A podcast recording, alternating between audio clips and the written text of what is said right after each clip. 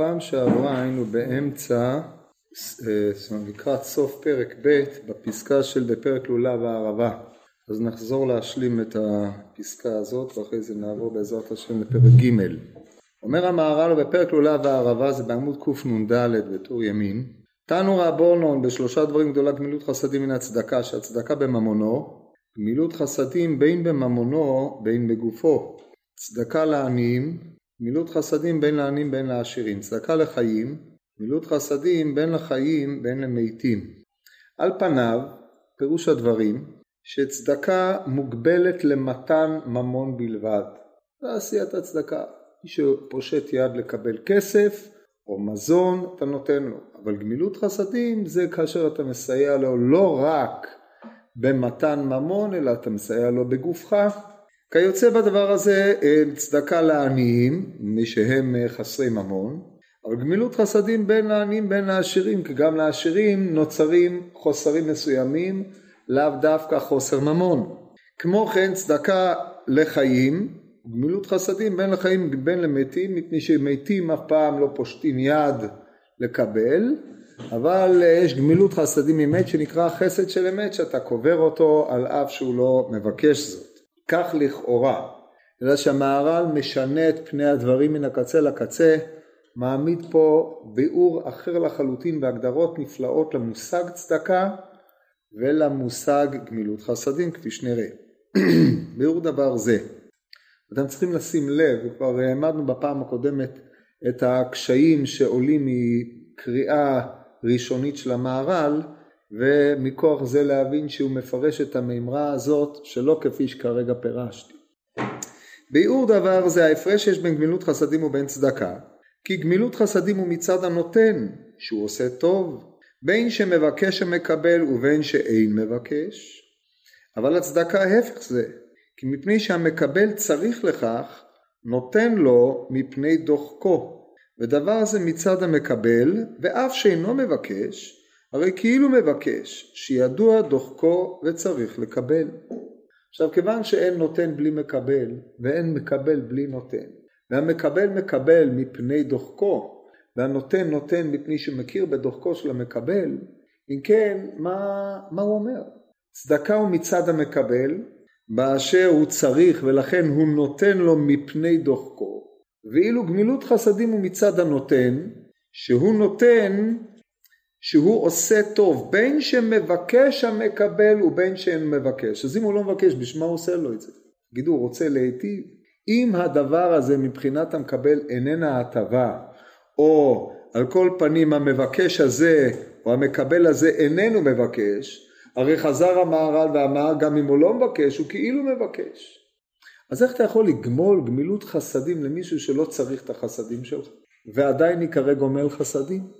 אבל ברגע שאתה גומל למישהו מקבל מפני שהוא מקבל מפני דוחקו אז פקע מיני שמע דגמילות חסדים ועד הרהבי בגדר נותן צדקה הדבר הזה הוא לכאורה פלא. מה עוד שרוב גומלי החסדים גומלי חסדים אם מקבלים מפני דוחקם.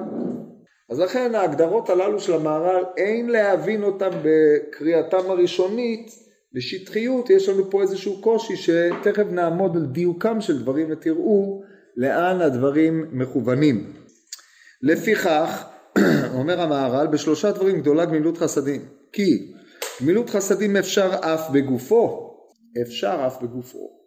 והנה הוא איש טוב, מה זה? והנה הוא איש טוב.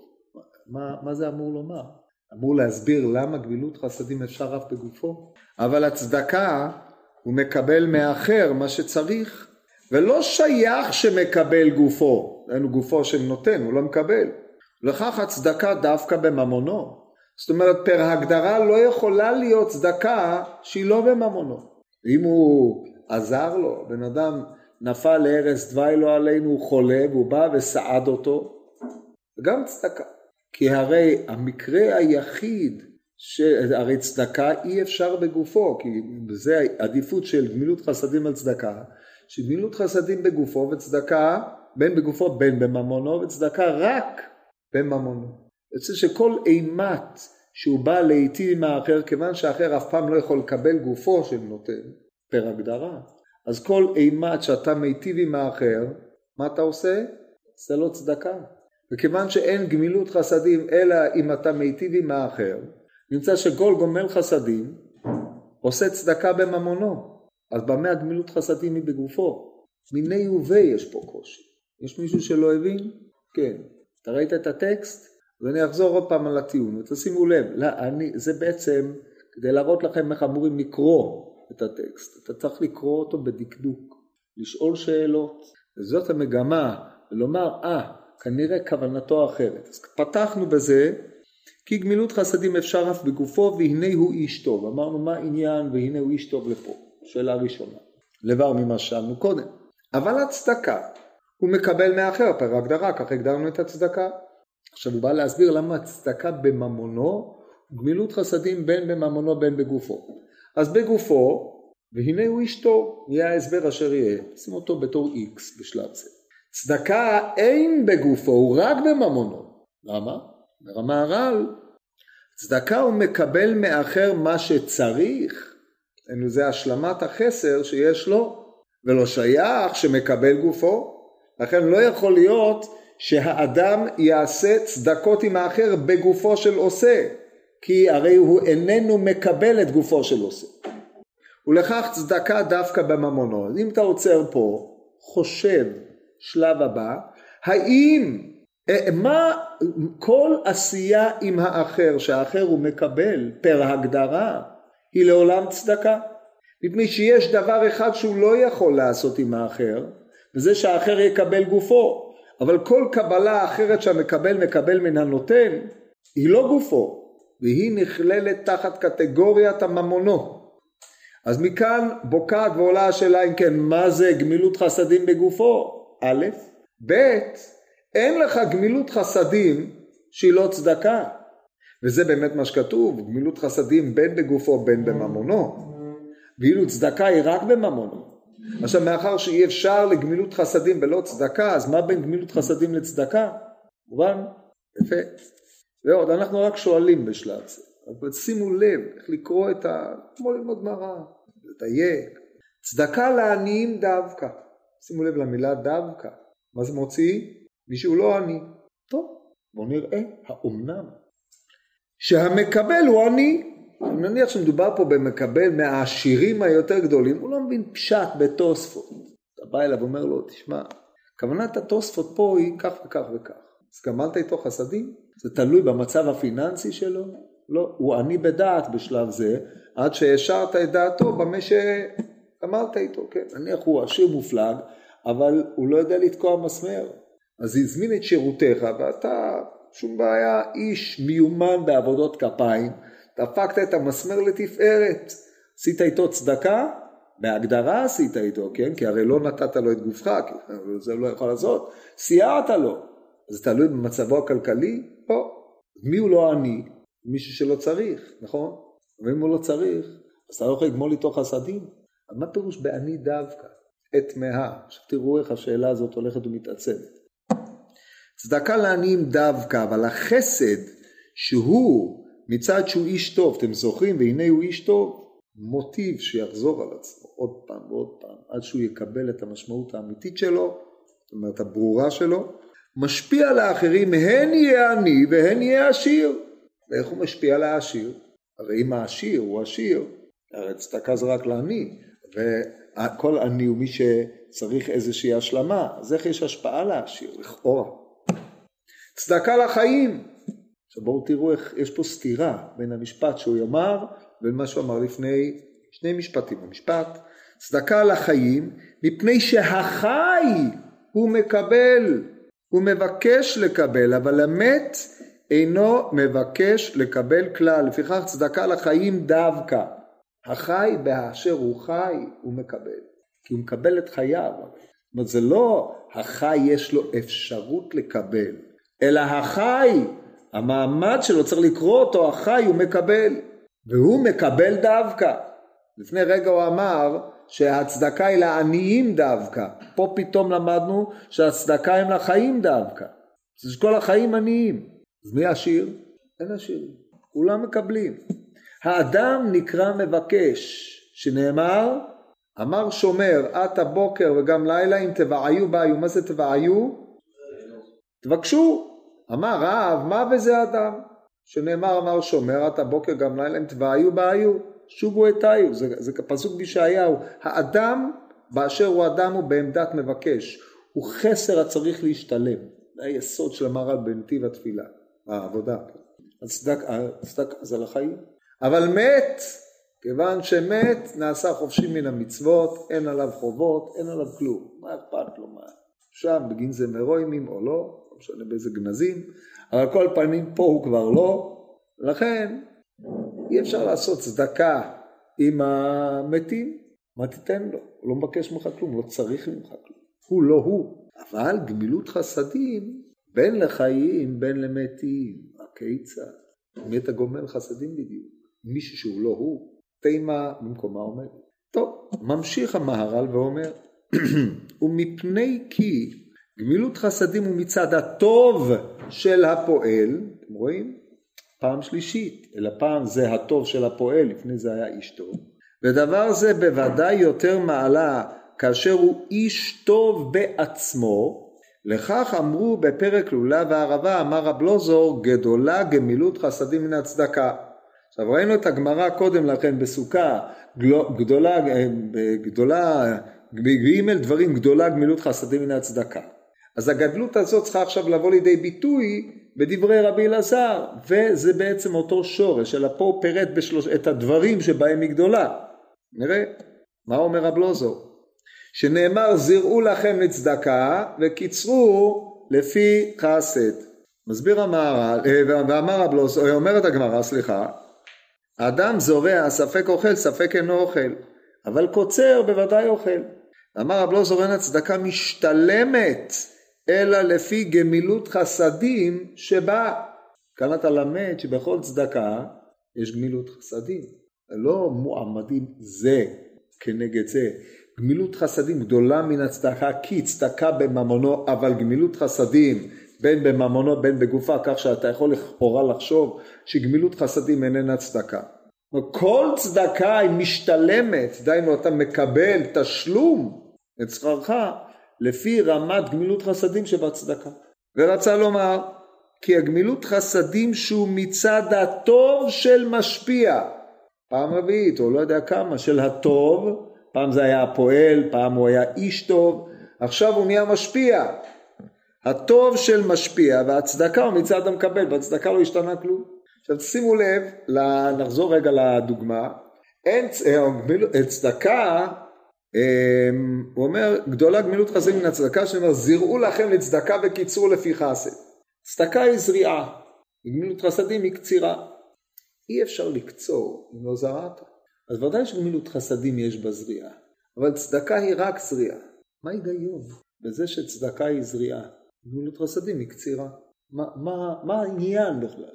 הרי איך שלא יהיה בין צדקה ובין גמילות חסדים זה השפעת האדם אל האחר. צד המקבל, צד הנותן, יהיה העניין אשר יהא. איך אתה מדמה צדקה לזריעה וגמילות חסדים לקצירה? קשה מאוד לראות את נקודת הדמיון ועוד להנגיד ביניהם. הרי כל זריעה באה אחרי הקצירה.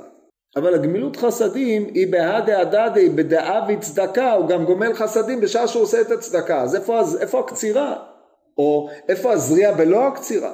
אז המשלות הללו צריכות עיון גדול. שאלות יש? זה מספיק שאלות שאני שאלתי. זה באמת פלא. ממשיך המהר"ל, הוא אמור להסביר את הכל עד שהכל יהיה קילורים לעיניים ברור בברירות שאין עליה ברירות. זה המטרה של הפסקה הזאת, כן?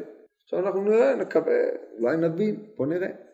אומר המהר"ל, ורצה לומר, כי גמילות חסדים שהוא מצד הטוב של משפיע והצדקה שהוא מצד המקבל לפיכך הצדקה אינה רק ספק בלבד.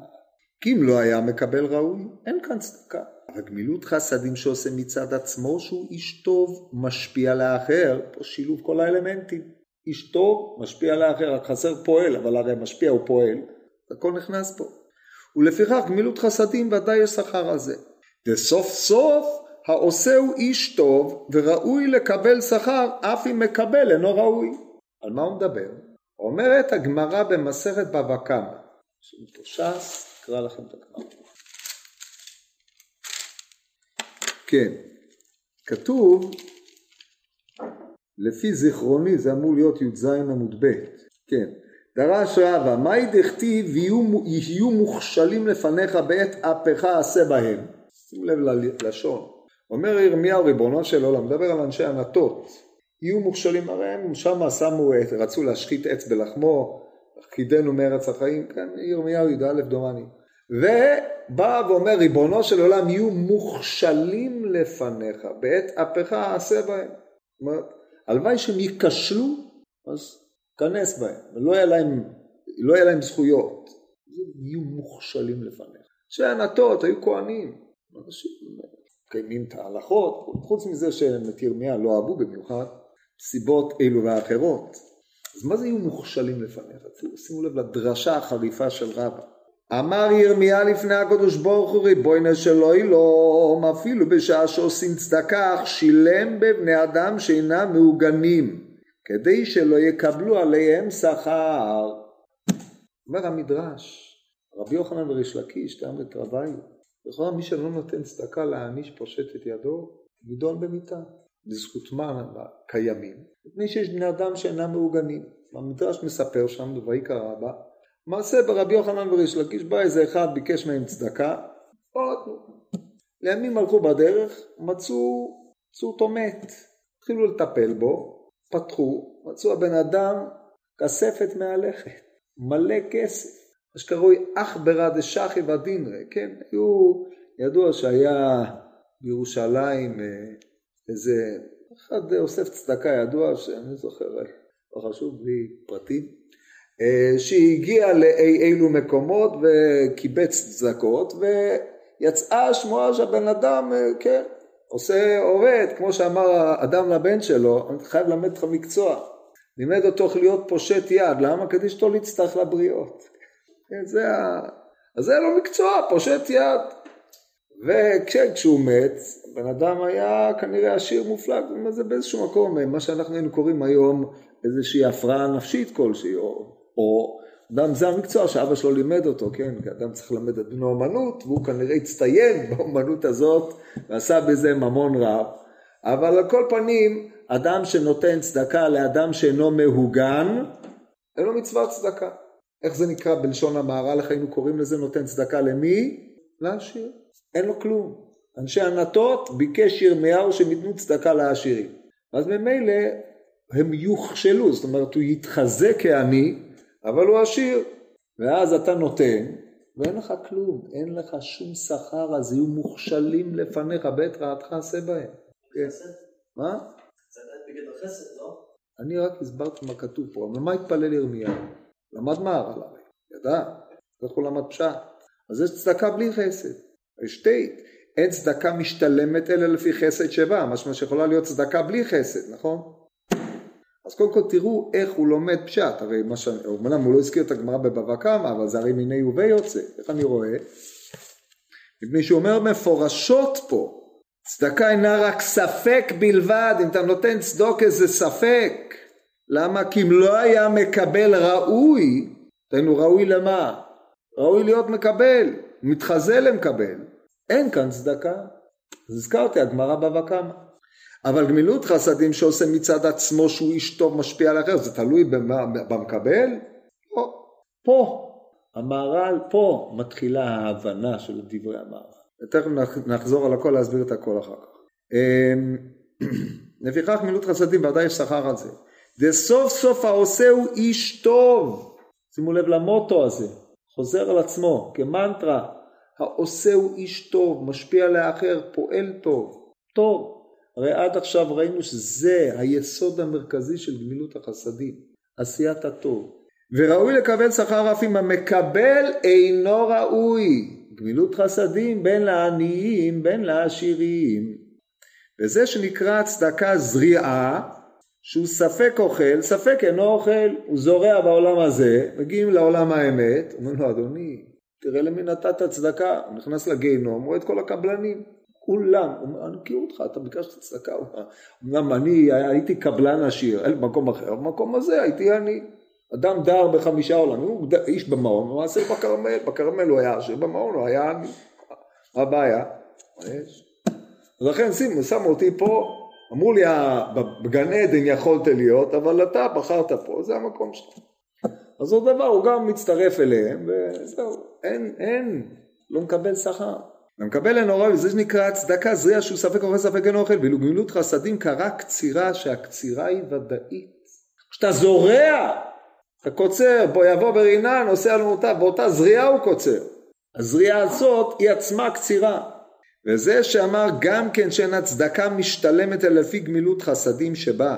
כלומר לפי מידת טובו, פה, פה עכשיו מתחיל הביאור של כל מה שהוא אמר. לפי מידת טובו של נותן. כאשר נותן צדקה בעין יפה שזה נקרא איש טוב. ודבר זה נקרא גמילות, חסד, גמילות חסד. איזה דבר? העין היפה, הטוב שבנתינה, לא עצמה של נתינה, לא השלמת החסר כשהוא לעצמו, אלא הטוב של הנותן המשלים את החסר. נמשיך עוד קצת שזה יתברר יותר. לפי זה נחשב צדקה לפי גמילות חסדים שבה, אבל אם הנתינה בעצמה בצרות עין, אין זה גמילות חסדים, כי גמילות חסדים מצד הטוב שבאדם, ולפי מה שעינו טובה בצדקה, יש על זה קיבול שכר, וזה פירוש של הצדקה משתלמת לפי גמילות חסדים שבה. ולכך אמר זירעו לכם לצדקה, זירעו לכם על ידי מתן הצדקה, אבל השכר שתקבלו על הזריעה הזאת איננה אלא לפי החסד שבמעשה, או קיצרו לפי החסד שבזריעה. קיצרו לפי חסד, כלומר הקצירה שהתשלומין ולפי החסד שבצדוקה כפי מה שהוא אשתו והבן הדברים האלו. אתה מבין, נחזור על הראשונות, הדברים יתבהרו באר היטב. צדקה וגמילות חסדים הם לא מנוגדים זה לזה. נחזור להגדרות, צדקה היא לפי המקבל. כשאתה בא לתת צדקה בעצם אתה בא להשלים חסר של האחר. אז אם השלמת את החסר שלו, אז אתה מקבל על זה שכר. אבל אם חשבת שאתה משלים את החסר שלו, אבל באמת לא היה לו חסר, הוא לא ראוי להשלמה הזו, נתת צדקות לאיזשהו, אה, נניח תרמת לאיזושהי אגודה, בסוף מתברר לך שכל עסקה של האגודה הזאת איננה אלא להחטיא את ישראל. קדם אג'נדות פרוגרסיביות, שמאלניות, וכולי וכולי וכולי.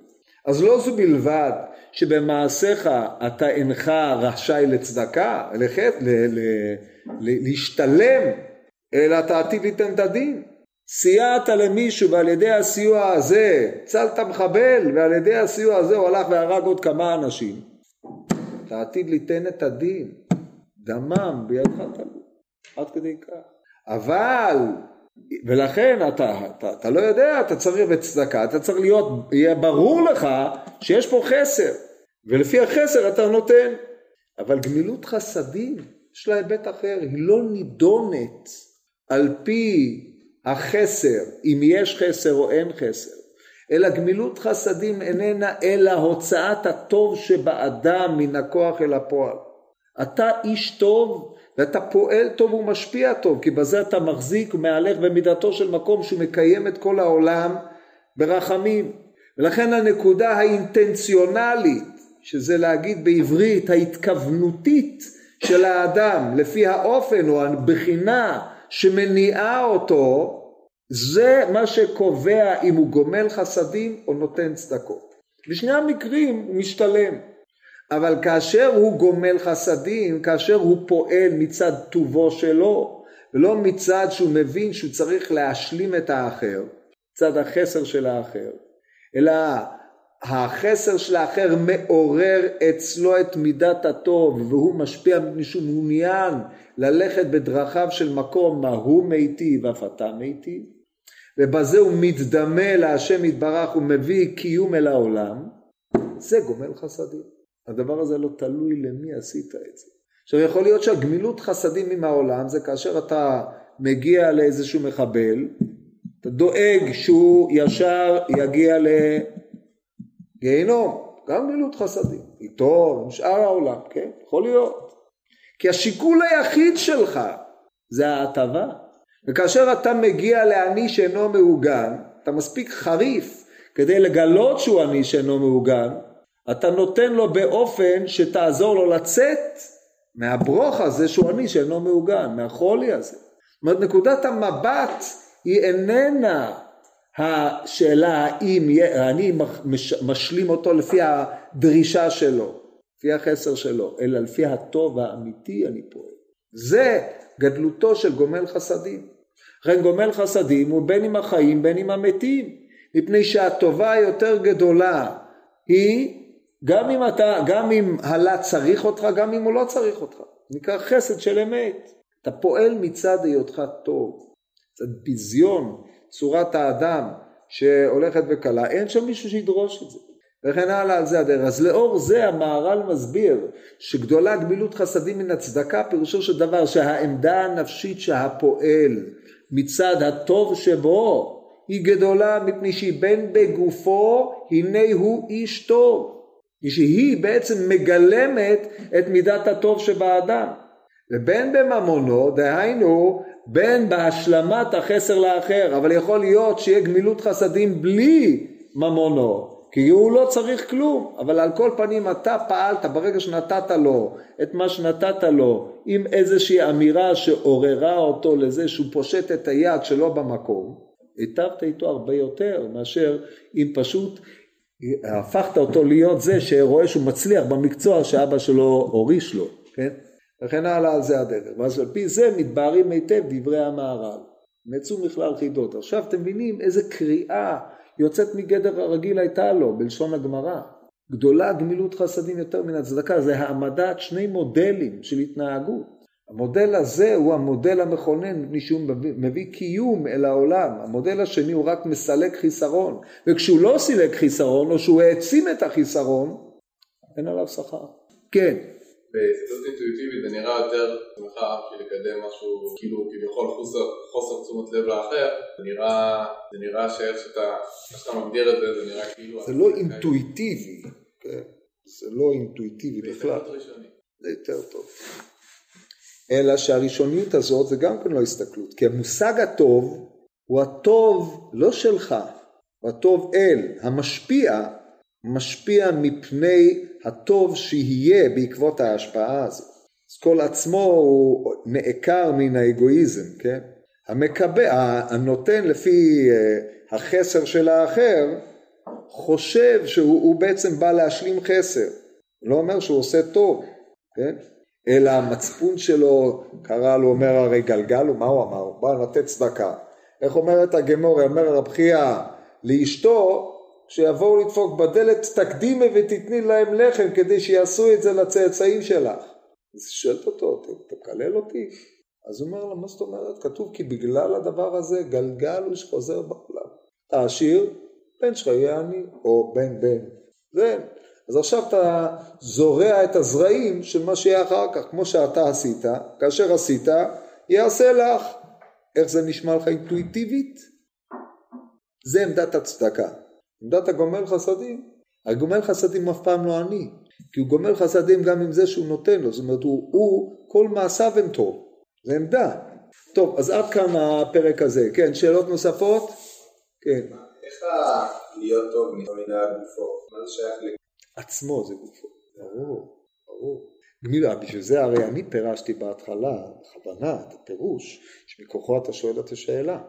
אבל הרי כששאלתי את השאלה הבאתי את הפירוש הזה עד אבסורד, כן? בזה שהראיתי, כל פעילות שתעשה עבור האחר, בין בגופך, בין באמצעים אחרים, לעולם ייקרא ממון. כי נקודת ראותו של האחר, זה תמיד ממון, נכון? אז איך היא משכחת לגוף? אתה חייב לפרש את זה. הבנת? ככה, ככה הוא מפרש, זה, זה מהר"ל קלאסי, זה דוגמה קלאסית לאופן שבו מהר"ל מפרש חז"ל. מרתק. כן, יש כאלה שפרשו את זה אחרת, אבל פה אתה מקבל, הטקסט הזה הוא טקסט נהיר מאוד אם אתה קורא אותו עד תומו, בדקדוק מה? אני מסיים בהבן דברים אלו, כן? שימו לב איך הוא שילב את המקורות כדי לעצב את התובנה הזאת. טוב, עכשיו אנחנו מגיעים לפסקה קצת יותר קשה, קצת הרבה. פרק ג' מעלת החסד שהוא יסוד העולם, ויסוד כיסא כבודו. איפה כיסא כבודו? איפה? שמיים, השם בשמיים הכין כיסאו, מלכותו בכל משלה, שתית. לעולם השם דברך ניצב בשמיים, כן, ערבות נקראו כיסא, הוכן בחסד כיסא ותשב עליו באמת. אומר המהר"ל, החסד הוא היסוד. מה זה היסוד? עליו מושתת הארץ ועליו מושתת כיסא כבודו השמיים. העולם כולו, שמיים וארץ, כולם מושתתים על החסד. ידוע לכם ספירת החסד היא הראשונה בזין תחתונות, שעליו מושתתים ספירת התפארת, שזה השמיים, השליך משמיים ארץ תפארת ישראל בכלל, שאיפה היא הייתה? שמיים, והארץ ספירת המלכות. תפארת היא היסוד, זאת אומרת יש יסוד גם, אבל היא התשתית לכל מה שבא אחר כך, החסד. עכשיו תראו, מביא מדרש פה, דברים נפלאים מאוד, נפלאים במובן המדויק של המילה, היינו מכוסים. ובמדרש משכיל לאיתן האזרחי, כתוב בפסוק משכיל לאיתן האזרחי, חסדי אדוני עולם השירה לדור ודור, הודיע אמונתך בפי, כי אמרתי עולם חסד ייבנה, שמיים תכין אמונתך בהם. שימו לב, כי אמרתי עולם חסד ייבנה, שמיים תכין אמונתך בהם. במה? בחסד. החסד גם נוגע לארץ, גם נוגע לשמיים. עכשיו הפרק הזה, פרק פ"ט בתהילים, כל כולו לא בא אלא לדבר על מלכותו של דוד, על הקדוש ברוך הקדוש ברוך הוא, אחרי יש תיאור שמופיע בסליחות של האשכנזים, אצל הספרדים בהתחלה, לאחר מכן יש תיאור של מצאתי דוד עבדי בשם קודשי משרתי ואף קיצור אף זוהית אמצנו לא ישיר יהיה בו ונבלה לא יעננו וחטאתי מפניו צרה ומשנא בגוב ועד ואתה שרה וחסדי כיסו בחסד קיצור מלכותו של דוד תהיה בנויה ואז ואתה זנחת ותימס התעברת עם משיחיך כל זה עד שכל מלכות בית דוד קרסה, אומר איפה השבועה? זה כל הפרק נולסד על מלכות דוד ותבינו למה אני אומר את זה. בשביל המשל הסתום שלא מתבאר כל צורכו בדברי המהר"ל והשאיר לקורא להשלים את הביאור מתוך ריסי הדברים. אומר המדרש משכיל איתן האזרחי חסדי השם עולם השירה אמרתי לדור ודור הודיע אמונתך בפי אמרו לו לאיתן מי זה איתן? האזרחים איזה, מי זה? לפי חז"ל זה אברהם. מי זה איתן האזרחי? שבט יהודה. ממי הוא? מאיזה משפחה הוא? פרת זרח. דהיינו צאצא של אחן. טוב. על מה העולם עומד? אמר להם על החסד. שנאמר והוכן בחסד כיסא, כתוב בפסוק והוכן בחסד כיסא ותשב עליו באמת. הכיסא אמרנו זה השמיים. ההנהגה האלוקית. משל למה הדבר דומה? לכיסא של ארבע רגליים. והיה אחד מתמוטט, שהיא קטנה, כיסא קטן, רגל אחת מהרגליים, מה נעשה? לא מגיע עד הרצפה, שיושבים עליו, הוא נופל. מה עשו? נטל צרור ושמחו. זהו, נראה לי שאנחנו נסיים פה. נטל צרור ושמחו, רק בשביל נקרא את המדרש, כך היה כיסא של הקדוש ברוך הוא כביכול מתמוטט עד ששמחו הקדוש ברוך הוא, במה שמחו בחסד? הווי אומר אמרתי עולם חסד ייבנה. לכן דוד אומר לו שמיים בתבונה כי לעולם חסדו. למה הוא עושה את השמיים בתבונה? כי לעולם חסדו. על מה הם עומדים? על החסד מה? כי לעולם חסדו וכן כל המזמור. עד כאן המדרש והנה הדקדוקים, ה, בעזרת השם בזמן הבא נראה את הביאור. יש לדקדק למה החסד הוא סומך כיסא יותר מכל מידותיו של הקדוש ברוך הוא. והסברה נותן שהמשפט סומך הכיסא שהרי כיסא שייך אל המשפט. עד כאן השאלה